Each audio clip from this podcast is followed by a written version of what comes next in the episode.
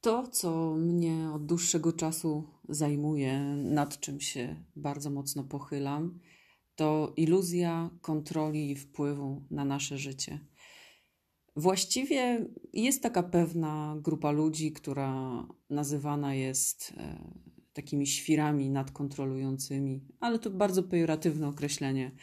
E, może dlatego tak to teraz przywołuję, bo z języka angielskiego to określenie to jest freak control, control freak, jak tam sobie życzycie. I właściwie od jakiegoś czasu, a sytuacja ku temu sprzyja, jestem w ciągłej refleksji tego, jak bardzo e, tacy jesteśmy bałwochwalczy w tym, że próbujemy mocno się e, w tym wszystkim jakoś odnaleźć, mając iluzoryczne poczucie kontroli nad rzeczywistością, nad naturą, nad porządkiem wszechrzeczy. A życie to przecież nieustanny proces i, i ten proces jest tak bardzo teraz widoczny, że chyba nigdy bardziej nie był.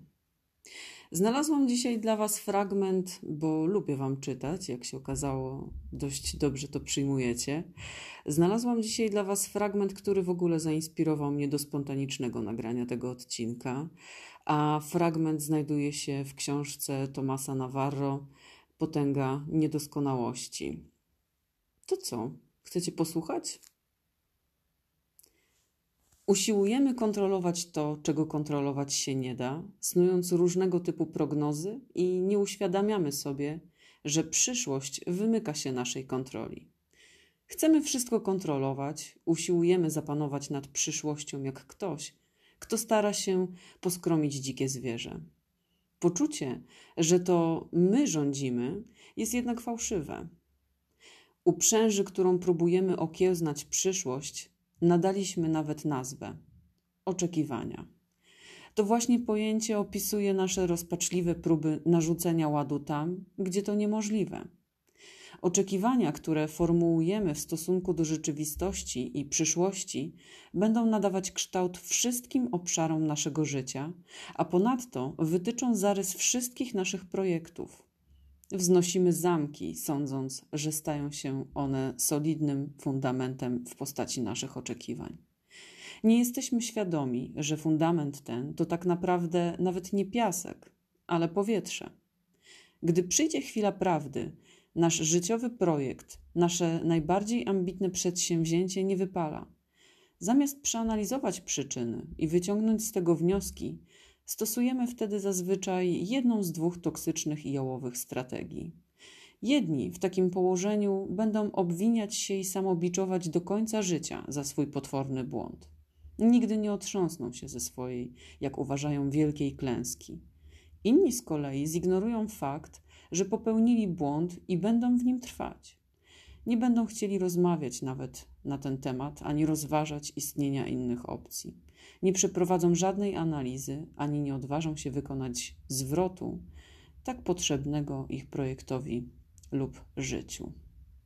Trudno, aby nasze oczekiwania się spełniały. Trudno, aby nasze projekty przebiegały tak, jak je sobie wymyśliliśmy.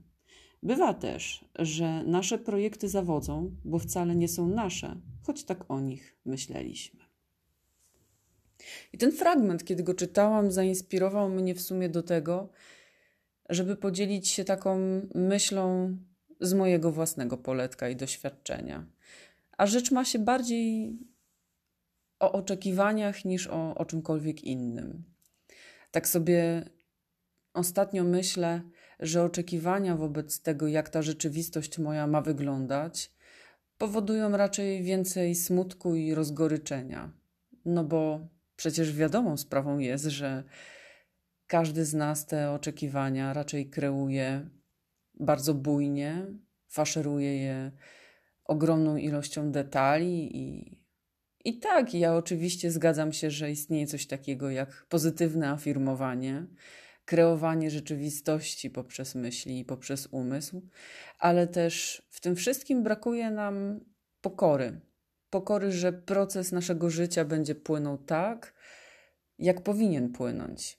No i to, co powtarzam bardzo często, że wydarza się zawsze najlepsza rzeczywistość i najlepsza wersja naszej rzeczywistości. ciągle o tym zapominamy. Ciągle chcemy więcej i ciągle mamy większe oczekiwania niż możliwości. Mam takie wrażenie, że zapędzeni tym takim amerykańskim stylem myślenia, w którym wmówiono nam, że jesteśmy nad ludźmi, którzy potrafią sięgnąć po wszystko, bo mają wpływ na wszystko, tak naprawdę straciliśmy tę wspomnianą już przeze mnie pokorę. Pokorę, że nie wszystko będzie w zasięgu naszych rąk i nie do wszystkiego jesteśmy stworzeni to może być bardzo nieprzyjemna myśl, bo kiedy ciągle nam ktoś powtarzał, jesteś zwycięzcą i dasz radę, to kiedy nagle taka gośka mówi, nie no kurka, jednak nie wszystko, nie wszystkiemu podołasz, nie wszystkiemu dasz radę i nie wszystko da się zrobić, raczej wywołuje frustrację, a nie ten spokój, o którym ja ciągle tak, ciągle, ciągle, ciągle wspominam. Spokój rodzi się z akceptacji i akceptacja rodzi się wtedy, kiedy zaczynamy rozumieć, że nasze życie jest niedoskonałe, że świat jest niedoskonały, że wydarzenia, które w jakiś sposób miały wyglądać, też są niedoskonałe. Mijają święta, które też są niedoskonałe, jeśli świętujecie, jeśli dla Was ta celebracja tych kilku dni jest istotna. Mijają święta, w których jeżeli tylko trzymaliście się wszystkich wytycznych, do których e, namówiła nas i zmusiła władza, to raczej nie spędziliście ich w, ro, w, gro, w gronie rodzinnym i nie zrobiliście dokładnie tego, co zawsze robiliście. Tradycja się nie wydarzyła w tym roku. I to już jest niedoskonałe. Doskonałością oczywiście byłoby, gdyby się dało zrobić tak, jak do tej pory więc snuliśmy jakieś wizje na temat tego, że być może zrobimy to tak albo siak. Ja zrobiłam niedoskonałą babkę piaskową, którą przesuszyłam. Zrobiłam też babę ziemniaczaną, która również była przesuszona i przesolona. No i co z tego? Robiłam je z potrzeby serca, tworzyłam je po to, żeby razem ze swoim partnerem móc celebrować, choć mieliśmy te święta spędzać zupełnie inaczej ale chciałam to zrobić i spróbowałam, i wyszło jak wyszło. Właściwie zastanawiam się, dlaczego my ciągle mamy taki imperatyw.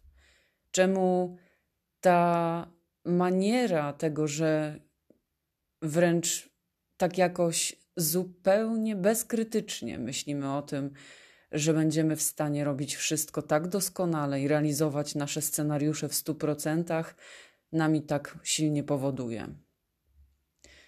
Odkąd zaczęłam tą niedoskonałość do siebie zapraszać, to owszem, widzę, że e, jestem trochę bardziej pobłażliwa, ale ta pobłażliwość, myślę, raczej sprzyja mojemu dobrostanowi.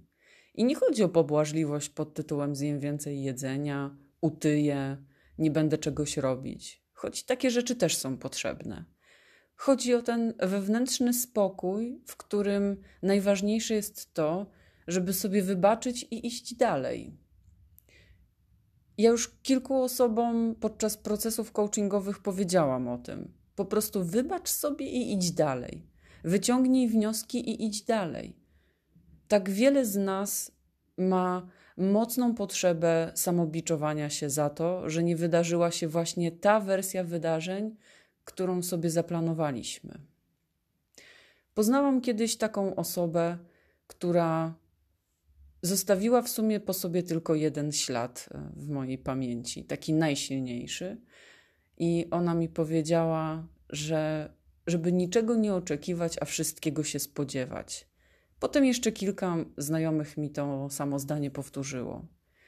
Więc te oczekiwania, jakiekolwiek by nie były, one mogą napędzać naszą duszę, ale jeśli nie znajdziemy w sobie takiego miejsca, takiej przestrzeni, która pozwoli nam akceptować odbieganie od tego planu, akceptować to, że może się nie wydarzyć dokładnie to, czego oczekujemy, to spokoju nigdy nie zaznamy. Siła spokoju leży w rozumieniu tego, że my możemy myśleć wszystko, że możemy kreować każdą możliwą wersję wydarzeń, ale musimy też rozumieć, że może przyjść zupełnie inny prąd, inny rodzaj powietrza i zupełnie inna rzeczywistość niż ktokolwiek mógł się spodziewać.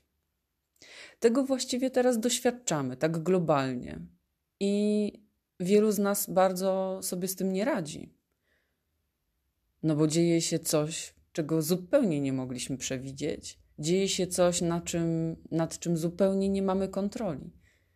I nie wiemy, kiedy tak naprawdę się to skończy. I nie wiemy, czy kiedykolwiek nad tym zapanujemy.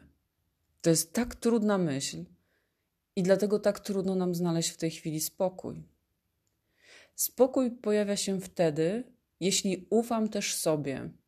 Mam zaufanie do tego, że bez względu na to, jak ta rzeczywistość teraz będzie wyglądała, ja się w sobie jakoś zbiorę i będę potrafić w tej rzeczywistości funkcjonować. Tylko to wymaga odklejenia się od oczekiwań, odklejenia się od tego, co sobie od początku powtarzam, że jakoś to w jakimś kształcie dalej będzie.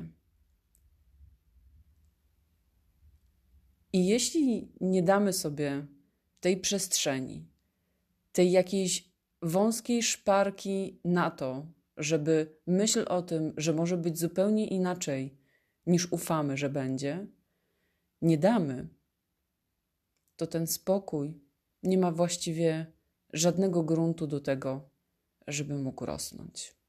Nie ma gdzie go zasiać. I tą właściwie myślą chciałabym się z Tobą podzielić.